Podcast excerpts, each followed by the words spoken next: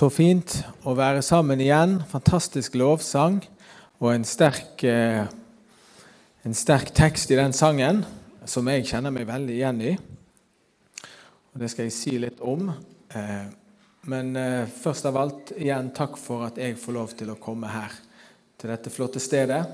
Til denne flotte menigheten og til disse fellesmøtene. Det har vært utrolig fint å være her disse dagene. I anledning at dette var siste møte, så måtte jeg bekjenne for mine venner her at jeg føler meg veldig, veldig liten her jeg står eh, og taler. Det er egentlig ikke eh, min hjemmebane. Eh, et lukket studio med et kamera, det er noe helt annet. Da føler jeg meg hjemme. Men jeg fikk en veldig fin og ærefull invitasjon, og jeg er så glad for det. Og så har jeg lært meg én ting, og særlig gjennom det siste året, som jeg har opplevd du kan stole på Den hellige ånd. Og Han har vært med oss eh, denne helgen, eh, og det er det som eh, er hele forskjellen. Eh, når vi stiller oss frem, eller når vi kommer sammen, eh, så kan vi stole på Den hellige ånd. At han gjør det han ønsker å gjøre i oss og gjennom oss og i våre sammenhenger. Ja, jeg eh, det er en del folk her som ikke var her på fredag, så jeg skal bare ta et veldig kort resymé av det som jeg fortalte der. Fordi at Grunnen til at jeg står her med stor frimodighet, det er jo at jeg har fått lov til å tilhøre Jesus hele mitt liv.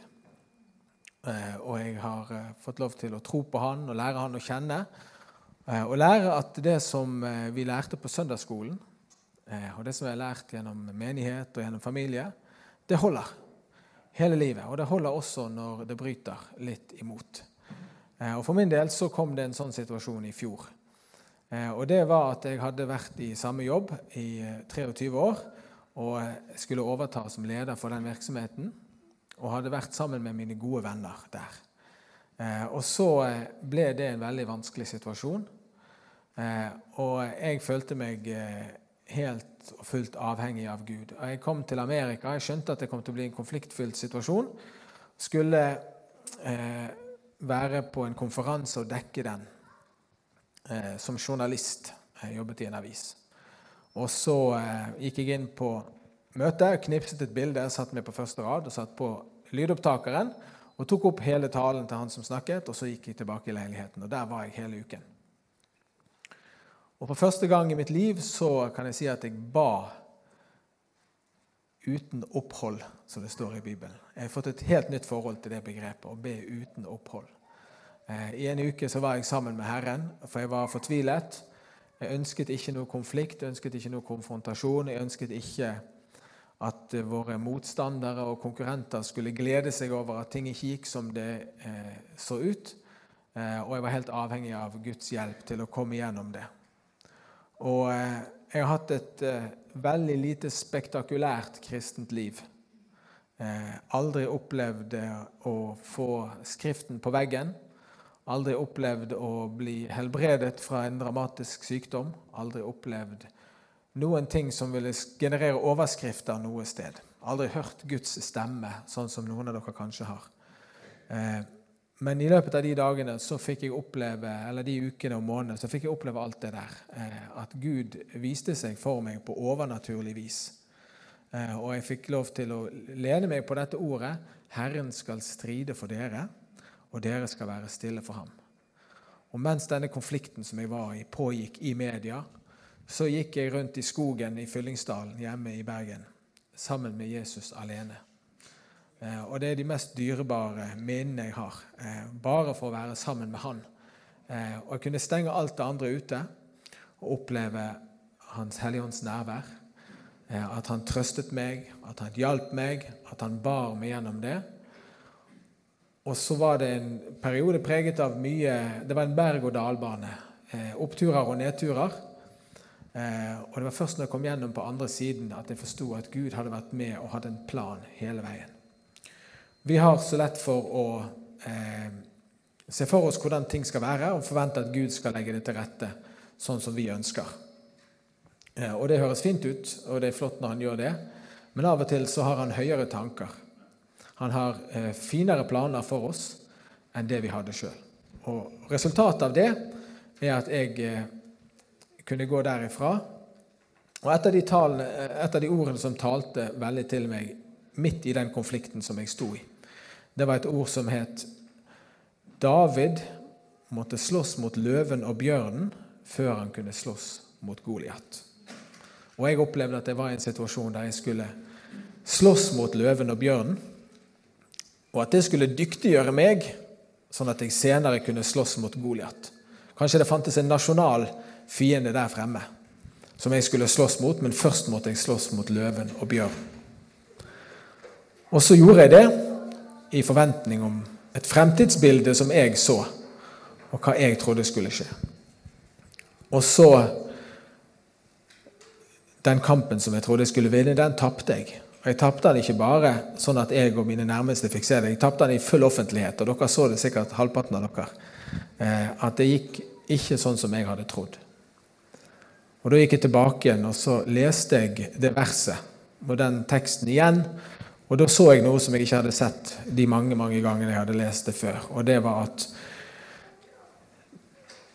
når David skulle overtale Saul til at han var rett mann til å slåss mot Goliat, så sa han den Gud som fridde meg fra løven og bjørnen i ødemarken, skal utfri meg fra denne filisterens hånd. Og Da skjønte jeg det for første gang, at dette handlet om at jeg skulle bli fri. Det handlet ikke om at jeg skulle vinne. Og En ting, ting som David lærte i møtet med løven og bjørnen, og det er det at det å være i kamp, det å være i motstand, det handler ikke nødvendigvis om at du skal vinne. Og det handler ikke nødvendigvis om at du skal bli så flink til å slåss. Og jeg hadde ikke vært i en konflikt i hele mitt liv. Ingen konflikter å vise til av betydning. Og plutselig sto jeg midt i en sånn episk konflikt. Og så, så står det når David snakker om dette her, at 'den Gud som fridde meg' Det handlet ikke om at han var blitt så flink til å slåss. Det handlet om at han hadde lært Gud å kjenne gjennom det han hadde opplevd. Lært Gud å kjenne gjennom kampen. Og Det har jeg fått lov til. Og Det er derfor jeg står her frimodig og vitner om det som jeg skal tale om i kveld, som er Den hellige ånd. Overskriften over det som vi har for oss denne helgen, det er 'nærmere Jesus'. Og Jeg begynte med å fortelle historien på fredag om hvordan jeg kom nærmere Jesus gjennom det året som gikk.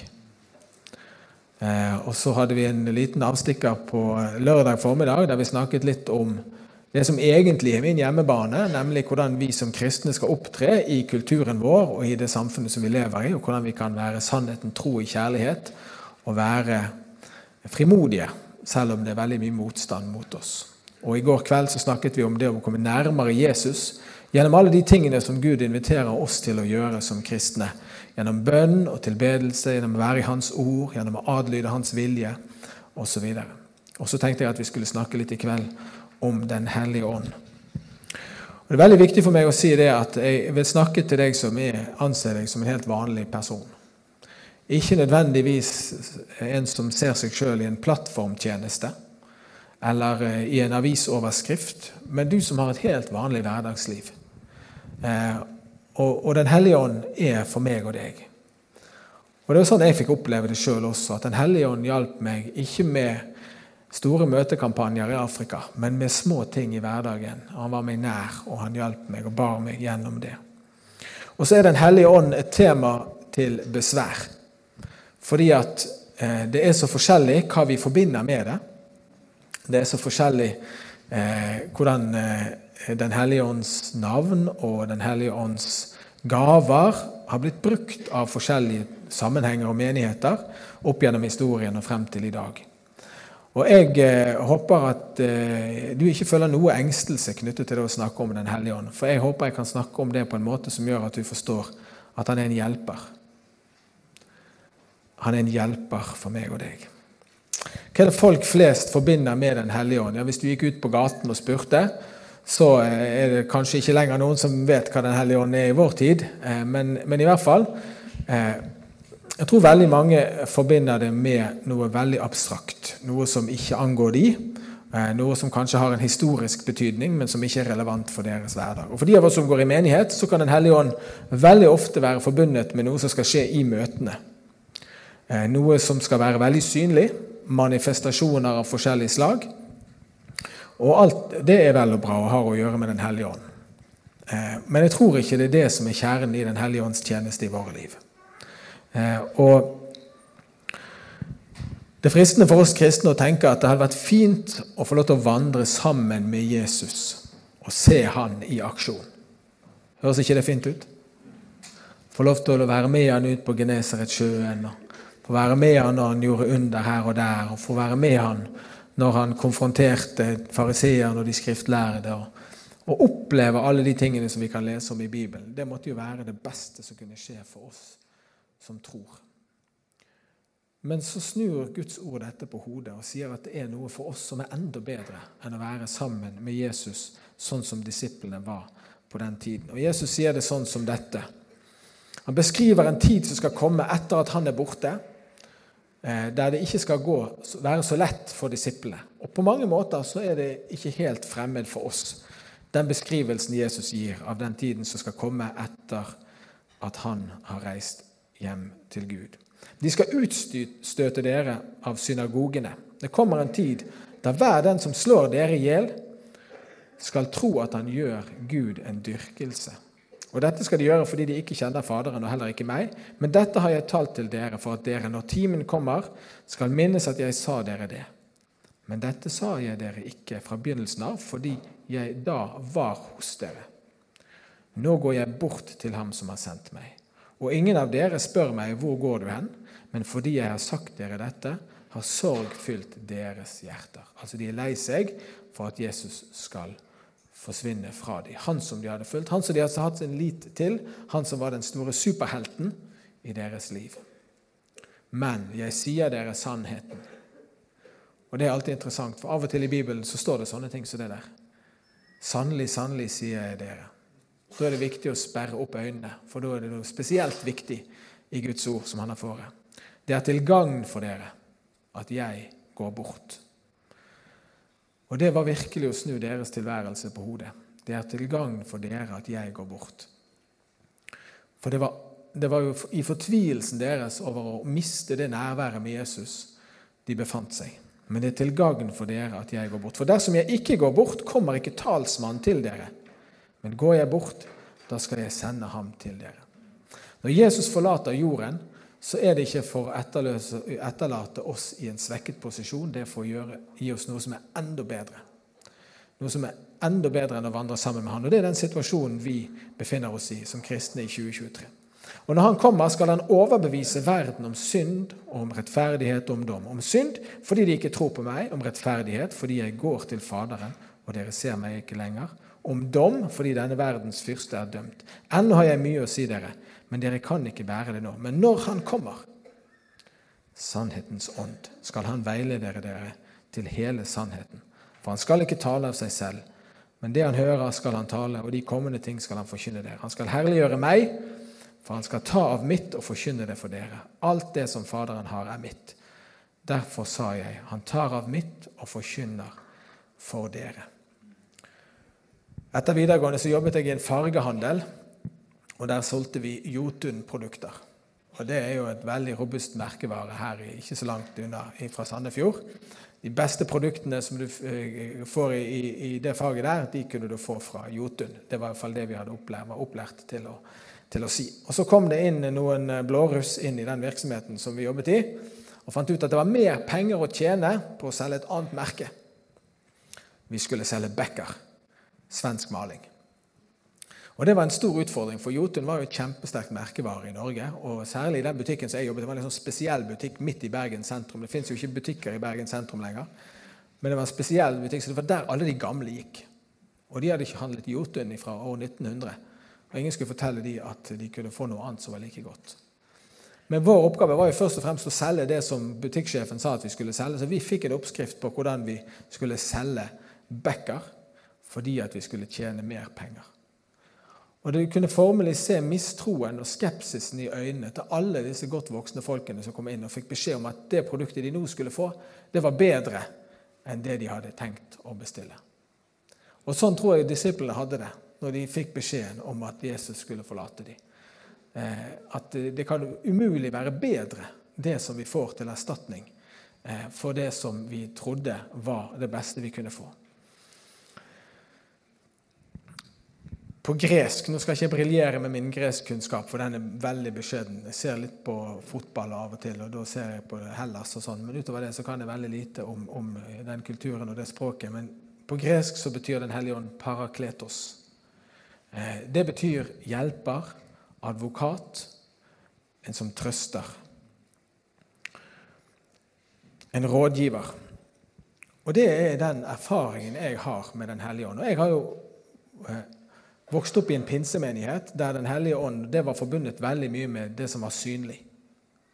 Men jo, jo mer jeg har levd, og særlig gjennom det siste året, så har jeg forstått at Den hellige ånds viktigste oppgave i mitt liv det har vært å være min hjelper. Hjelpe meg til alle de tingene som Jesus snakker om i den teksten, men også hjelpe meg i hverdagen i møte med de utfordringene som jeg har. Det siste man skal snakke om på et fellesmøte, det er vel tungetale. Jeg gjør det likevel fordi at det er min erfaring som har vært dyrebar for meg. Eh, gjennom Bibelen så leser vi om det, om tungetale, og jeg har fått erfare det.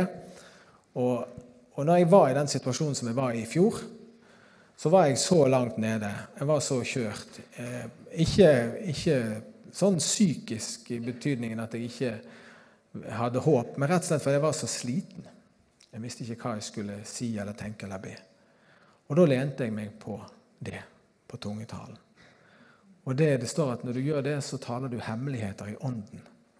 Og det må jo være enda bedre enn det jeg kunne klare å mane frem. Jeg hadde ikke krefter, jeg hadde ikke språk, jeg hadde ikke ord. Og det er jo fra en fyr som driver med snakking, egentlig, eh, som levevei. Men jeg var i en situasjon der jeg ikke hadde det. Og så fikk jeg oppleve det at det var, det var gjennom det verktøyet der, det redskapet, den gaven som Gud hadde gitt meg, at han hjalp meg. og bar meg gjennom dette her. Så sånn holdt jeg på i en uke. Eh, og eh, det var heldigvis ingen som så på. Når jeg skal tale til dere her, så, så trenger jeg Den hellige ånd som hjelper. Og jeg forbereder og gjør det jeg kan, og så stoler jeg helt og fullt på Han, fordi at Han er min hjelper. En av de hellige, Den hellige ånds oppgaver er å overbevise verden om synd, om dom det som Jesus beskriver i denne teksten. Og Det er veldig veldig viktig for oss å forstå. fordi at så veldig ofte så prøver vi å overtale folk eh, når vi er ute i evangeliets tjeneste. Og vi eh, skal være vitner. Det står at dere skal være mine vitner. Og Det er jo mye lettere enn å overtale folk. fordi at du kommer alltid til å møte noen som er mer intelligent enn meg. Jeg møter det veldig ofte. Eh, så det er veldig vanskelig å overbevise folk og overtale folk med mesterskap i tale, som det står om i Bibelen. Men det overlater vi til Den hellige ånd. Og så kan vi få lov til å vitne om den han er, og det han har betydd i våre liv. Og det gjør oppgaven mye, mye lettere. Fordi at vi kan overlate det til Den hellige ånd. En av de tingene som gjør at folk vegrer seg for å overgi seg til Jesus og vegrer seg for å på en måte påta seg det oppdraget som han kaller oss til, det er nettopp det at de frykter den byrden det er å skulle være en som setter seg i en situasjon der de skal overtale eller gjøre noe eller utrette noe og måles på det resultatet. Men det er ikke det Gud kaller oss til. Det står at han skal veilede, veilede dere til hele sannheten. Det er Den hellige ånds oppgave. Og det er utrolig frigjørende for oss å vite det, at det er det han som skal gjøre, og ikke vi. Og så står det at han skal herliggjøre meg. Altså, Den hellige ånd skal herliggjøre Jesus. Og Hvordan skal man beskrive det? Det er jo et utrolig utidsmessig uttrykk å snakke om å herliggjøre. Når brukte du det sist i din daglige tale? Men jeg, jeg sammenligner det litt med en forelskelse. Det er i det øyeblikket du får øynene opp for noe, for noen, og så ser du at her er det noe helt spesielt. Eh, og det er det Den hellige ånd gjør med Jesus. Han herliggjør Jesus. Sånn at istedenfor å være på avstand, så dras vi mot ham som i en forelskelse. Fordi at han herliggjør Jesus. Han viser oss Guds godhet, Guds storhet, Guds skjønnhet. Han gjør Jesus attraktiv for oss. Den hellige ånds oppgave er å herliggjøre Jesus.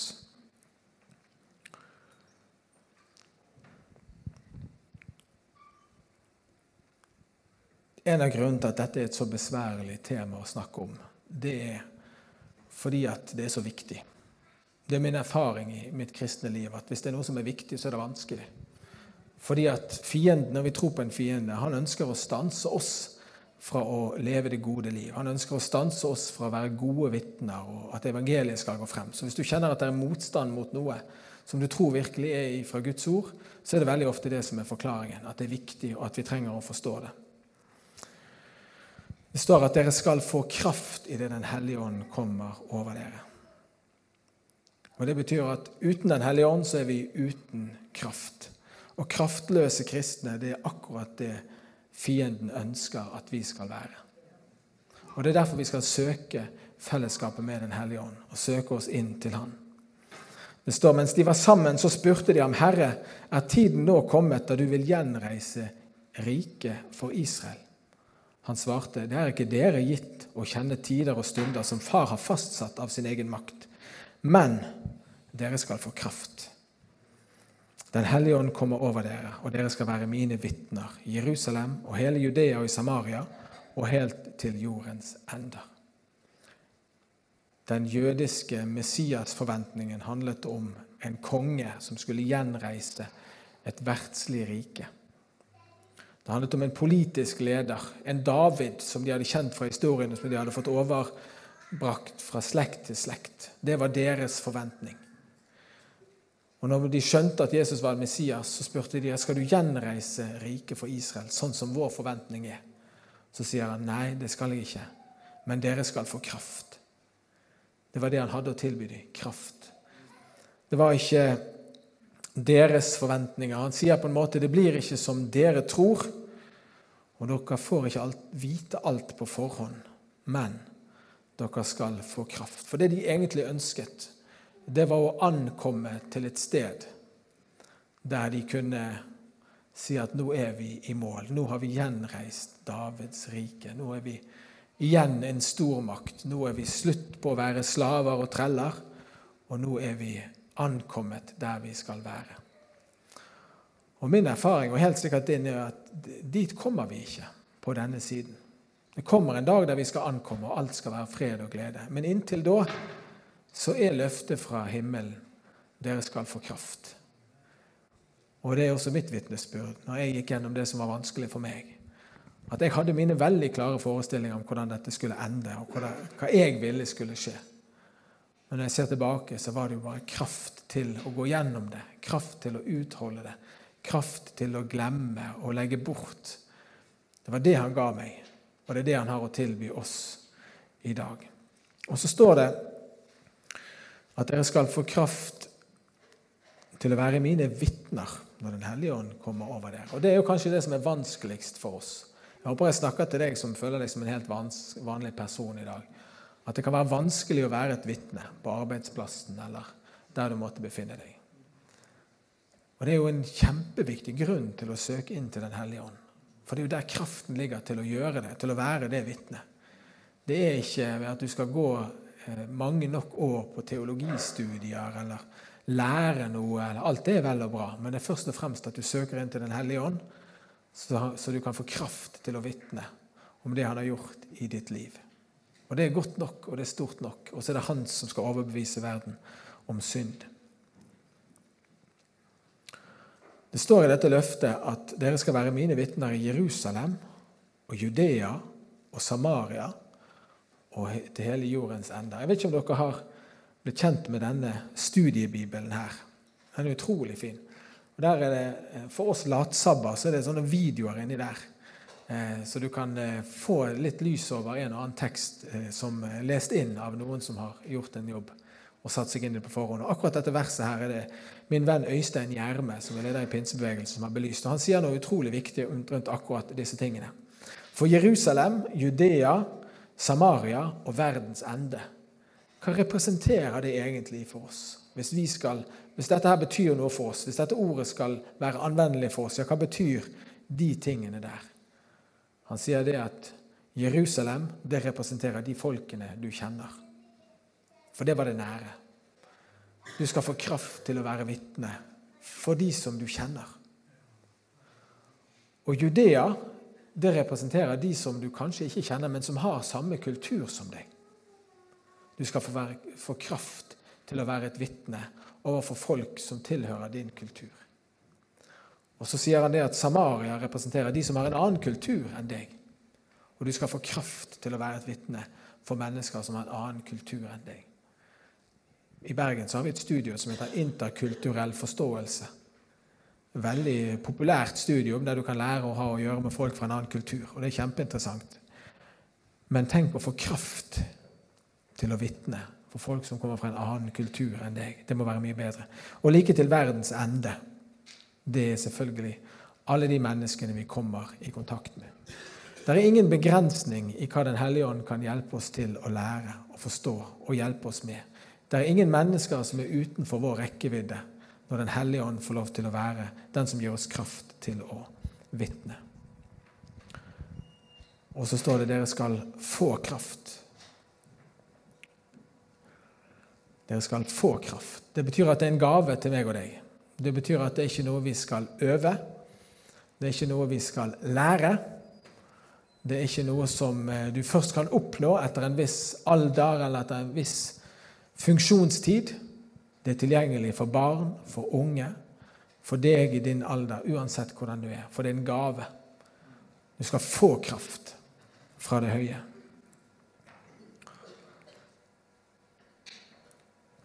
Det står i Romerbrevet 8,11 om Den hellige ånd. Det står at han reiste Jesus opp fra de døde. Og dersom Hans ånd bor i dere, skal Han som reiste Kristus opp fra de døde, også gi deres dødelige kropp liv ved sin ånd, som bor i dere.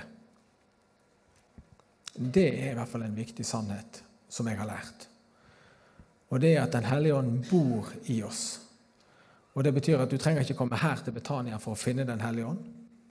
Du trenger ikke engang lese i Guds ord for å finne Den hellige ånd, selv om du skal gjøre det. Men det betyr at han bor i deg, og det betyr at han kommer ikke og går, men han er fastboende. Og Det trenger du å vite i din hverdag, at det er ikke sånn at eh, Den hellige ånd av og til er med deg hvis du er hellig, eller hvis du har gjort det rette, eller bedt eller studert eller forberedt deg på noe vis. Men han bor der og han er fastboende. Han kommer ikke og går. I min sammenheng i pinsebevegelsen så snakker vi veldig ofte om sterke møter. Den hellige ånd var der, sier vi. Og jeg vet veldig godt hva det betyr, og det hender at jeg sier det sjøl også. Eh, for det er noe med å oppleve Den hellige ånds atmosfære. Men det er jo ikke fordi at han har valgt å gjeste oss, men ellers holder seg på avstand. Det handler mer om en erfaring vi får av å være i hans nærhet. Men han er der alltid. Du kan stole 100% på Den hellige ånd. Det står i Bibelen at vi skal vandre i Ånden. Men jeg sier i Galaterbrevet står det, jeg sier 'vandre i Ånden'. Da skal dere slett ikke fullføre det kjøttet begjærer. Ja, det var jo interessant. Går det an å snakke om synd i 2023? Det er jo ingen som gjør det. Kan ikke jeg få lov til å gjøre det? Det ligger i oss mennesker at vi har en syndig natur. Det ligger for oss å lengte etter å gjøre ting som strider mot Guds vilje. Og hvis vi har det rett med Gud, så angrer vi selvfølgelig etterpå, og så ønsker vi å vende oss om for det. Men det som Bibelen her beskriver, det er en vandring i Den hellige ånd, der vi kan unngå å gå i den fellen der vi kan leve ikke syndfrie liv, men at vi kan vinne seier over den synden som så lett griper tak i oss. Men det handler om en vandring. Og, og hvis jeg skal ut og vandre, så må jeg bestemme meg for det. Da må jeg på en måte ta beina fatt, og så må jeg aktivt vandre og si at nå skal jeg ut og gå. Det er ikke noe som jeg tilfeldigvis ender opp med å gjøre. Jeg ligger ikke i, i sengen min og vandrer. Det er en beslutning jeg tar. Eh, å vandre i Ånden. Og det er en beslutning som jeg tror Gud inviterer oss til å ta også.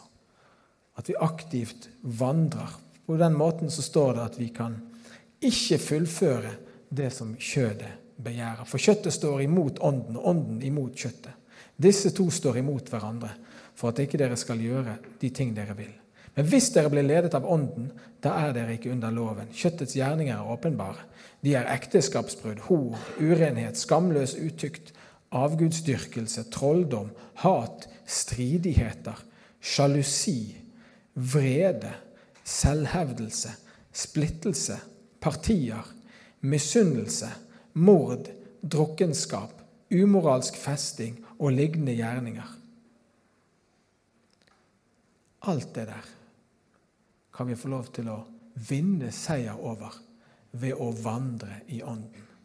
Ikke ved å ta oss sammen, men ved å få lov til å vandre i Ånden og være i Den hellige ånds nærhet og være bevisst på at Han bor i oss. Så enkelt egentlig, men så viktig at vi tar bevisste valg om at vi ønsker å vandre i Ånden. Hvis du har det sånn i ditt liv at du kjemper med synd i livet ditt, og i en forsamling av denne størrelsen så vil det helt opplagt være mange mennesker som kjemper med det. Og det er sånn det er å være menneske. Så inviterer Gud deg til omvendelse og vende bort ifra det som du vet strider mot Hans ord. Og så gir han deg en oppskrift på hvordan du kan komme ut av den gjørmen som du føler du er i. Istedenfor at du skal falle tilbake i det og bli mismodig og miste frimodigheten og begynne å tenke onde tanker om deg sjøl. Og tenke at det er ute med deg, og at Gud ikke elsker deg, og at han har gitt deg opp. Så sier han 'vandre i ånden', så du ikke gir etter for det som er kjødets lyster. En vandring, det er noe vi gjør konstant. Det er ikke noe du kan gjøre på ett punkt, men det er noe du gjør ved å bevege deg hele tiden. Så det er ikke en aktivitet som vi skal skru av på mandag morgen. I hvert fall ikke på mandag morgen. Men det er noe vi skal få lov til å vandre i hver eneste dag. Og det er ikke slitsomt. Det er forfriskende og godt. Det kan være slitsomt å vandre i skogen eller på fjellet. Men det å vandre i ånden det er noe som gjør godt, og som løfter deg opp, og som forfrisker deg, og som gjør livet lettere å leve. Vi har en tendens til å beundre de nådegavene og de åndelige gavene som vi ser kommer i og gjennom Den hellige ånd. Og det, det, er ikke så rart, og det er veldig mye fint. Og vi er så takknemlige for alt som Den hellige ånd gir oss av, av åndelige gaver. Men vi, vi går veldig ofte feil hvis vi begynner å beundre de gavene som vi har fått. For de er gaver. Men det vi skal bygge i oss, det er dette åndelige livet inni oss. Sånn at vi vandrer i ånden og ikke ser på de ytre ting. Og der kan vi mennesker dessverre gå feil.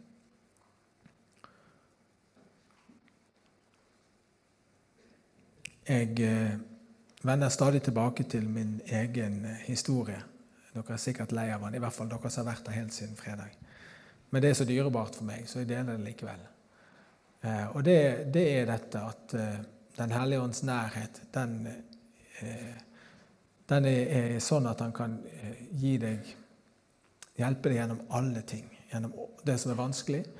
Og, og når jeg var i dette veldig krevende landskapet, så, så, handlet det ikke om at vi holdt på å krangle med hverandre, og så var vi lei oss. Det handlet om mye mer kompliserte ting. Om samtaler vi måtte ha, og oppgjør vi måtte ta, og telefoner og forhandlinger og alt mulig. Og jeg opplevde at Den hellige ånd hjalp meg gjennom også de tingene. Og Det er egentlig mitt budskap til deg som har et helt vanlig liv, som er lærer eller sykepleier eller jobber i næringsliv eller jobber som doktor eller hva det skulle være. Den hellige ånd er ikke noe som er forbundet med det som skjer på plattformen eller det som skjer i gudstjenesten, men han er din hjelper i din hverdag. Han smører din hverdag sånn at det kan gå lett for deg, sånn at du kan ha fremgang ikke for din egen del først og fremst, men for hans rikes del. Og, og det er mitt vitnesbyrd. Han hjalp meg på en sånn måte at du vil ikke tro det. Og han hjelper meg den dag i dag. Jeg, jeg holder på å bygge opp dette TV-arbeidet, f.eks. Jeg har jo egentlig ikke noe sånn veldig greie på disse tingene, men jeg opplever at han hjelper meg fordi at han vil at det skal lykkes. Han smiler mot det vi holder på med. Og jeg velger å stole på han, og så åpner han dører for meg, og så gir han meg velvilje og favør hos folk som både hjelper meg med penger og med kompetanse og åpner dører for meg og sånne ting. Og så vet jeg at det ikke er meg, men det er Den hellige ånd som bor i meg. Og Så får jeg lov til å bare stole på Han og lene meg på Han og gjøre mitt beste. Jeg jobber steinhardt. Det handler ikke om det. Det handler ikke om latskap i det hele tatt. Men det handler om at du gjør ditt beste, og så legger Han sin velsignelse til gjennom Den hellige ånd. Jesus hadde sin siste kveld med gutta. Han visste at eh, var mye frykt for at han skulle gå bort. Mye savn, mye fortvilelse og smerte. Og så sier han disse ordene.: Dersom dere elsker meg, holder dere mine bud. Og jeg vil be ham, min far, og han skal gi dere en annen talsmann som skal være hos dere for alltid. Sannhetens ånd som verden ikke kan ta imot. For verden ser ham ikke og kjenner ham ikke. Men dere kjenner ham, for han blir hos dere og skal være i dere. Jeg lar dere ikke bli igjen som foreldreløse barn. Jeg kommer til dere. For et forunderlig utsagn. Han har akkurat sagt at han skal forlate dem, og så sier han 'Jeg kommer til dere'. Han snur alt på hodet, og så etterlater han de med Den hellige ånd. Hvis du er blant de som tenker at du skulle ønske du hadde mer av Den hellige ånd, at du skulle ønske du stolte mer på Han og lente deg mer på Han, så er det det han inviterer deg til. Men det står at verden ser ham ikke og kjenner ham ikke. Det første du trenger å gjøre, det er å sørge for at du har ordnet en sak med Jesus. Og Jeg vet ikke hvem som er her i kveld. Jeg kjenner knapt noen her. Og Det kan være et godt utgangspunkt for meg til å si det. At Hvis ikke du har tatt imot Han, så trenger du å gjøre det. Kanskje du er her med en ektefelle eller noen som har slept deg inn hit. Ta imot Jesus. Ta imot tilgivelsen. Ta imot nåden. Legg syndebyrdene dine av. Og når du har gjort det, så står han klar også til å gi deg denne gaven, Den hellige ånd, som skal være din hjelper, som skal være din talsmann, som skal være din advokat, som skal være den som trøster deg, og som skal bo i deg. Det betyr at når du går ut av dette lokalet, så blir han med deg. Han eh, blir ikke igjen her i Betania. Overskriften over det som vi har hatt fore denne helgen, det er å være nærmere Jesus. Det finnes ikke noe større nærhet enn dette, at han bor i oss. Nærmere kommer du ikke. Og eh, det er det han eh, inviterer oss til. Jesus han eh, kan hjelpe deg med det du trenger til. Han kan hjelpe deg i din hverdag, han kan hjelpe deg i dine relasjoner, og han kan hjelpe deg å være et vitne for han. Hvis det er det du lengter etter. Og det håper jeg du gjør. Det er det vi alle sammen gjør. Jeg eh, fikk æren av å kjenne Emanuel Minos, eh, en legendarisk forkynner som de kalte han for Nordens Billy Graham. Han sto i vekkelse gjennom et langt liv og begynte som predikant da han var fem år gammel. Eh, og eh, fikk være med, fikk være i hans begravelse, men også være med og høre han preke. Og En gang så sa han noe som eh, som gjorde veldig inntrykk på meg. Han sa det at, og han talte jo i alle sammenhenger. Han sa det at uansett om du er pinsevenn, eller om du er lutheraner, eller hva du skulle være, åpne deg for Den hellige ånd. Åpne deg for Den hellige ånd. La det ikke være sånn at det er noen ting i din bakgrunn eller i din sammenheng som, eller fordommer som du måtte ha mot Den hellige ånd, som gjør at du begrenser eller stenger av Den hellige ånd men åpne hjertet ditt for Den hellige ånd, og så skal du se at han vil gjøre mirakler i ditt liv. Og kanskje ikke sånne mirakler som kommer i avisen, men ting som blir dyrebart for deg. Sånn har det vært for meg. Å få lov til å lene meg på Den hellige ånd. Lov til å stå her og snakke om Han og vite at Han virker. Selv om det jeg gjør, det er beskjedent og hjelpeløst, så vet jeg at Den hellige ånd er her for å tale til oss og for å røre ved oss. Den hellige ånd er en gave som du kan ta imot. Og det syns jeg at vi skal bestemme oss for i kveld. Så jeg vil invitere oss til det nå, eh, når vi eh, går inn i en ny del av dette møtet, til at vi tar imot Den hellige ånd. Det er sånn at eh, en gave den kan du få, men den er først verdifull for deg når du åpner den, når du tar imot den. Og for veldig mange kristne så er Den hellige ånd noe som de vil beskytte seg mot, for de er så redd for hva han kan finne på. Eller som de vil være varsomme med fordi at de føler at det er fremmed. Men Den hellige ånd er ikke fremmed. Den hellige ånd bor i deg hvis du er en troende. Og han vil bare at du skal åpne deg for det som han vil gjøre gjennom deg og gjøre gjennom ditt liv. Du kan ta imot han i dag. Og hvis, særlig hvis dette med, med ånden står på tungetale, noe du lengter etter, så kan dette være en kveld der du kan få oppleve det. Eh, og jeg eh, fikk oppleve det i unge år, eh, og det har fulgt meg siden. Og når jeg var på mitt aller, aller mørkeste, så var det det eneste jeg hadde. Det var livet i Den hellige ånd språket i Den hellige ånd. Og jeg sier ikke det for å propagere noe som helst, jeg sier det bare for å vitne om det som er stort i mitt liv, som Jesus har gjort. Hvis lovsangsteamet kommer opp her, så, eh, så, vil jeg at dette skal være en sånn kveld der vi åpner oss for det Gud vil gjøre i våre liv. Og så eh, går det an å få forbønn, eh, og det er et veldig godt sted å begynne. Eh, men du kan også bestemme deg der du står om at du vil i større grad åpne ditt hjerte for Den hellige ånd. Invitere Han med i din hverdag på den måten. Og være bevisst på at han er den han sier seg å være. Din talsmann, din hjelper, din advokat og din trøster. Så la oss reise oss nå, og så innvie oss litt for Herren. Og så er dette et, et øyeblikk som handler om deg og Gud. Og eh, vi har ikke noen bråhast på en søndagskveld. Eh, så la oss, la oss vie oss inn for Gud. Og så kan du ta en beslutning om at du vil åpne ditt hjerte for Den hellige ånd, for det som han vil gjøre i ditt liv.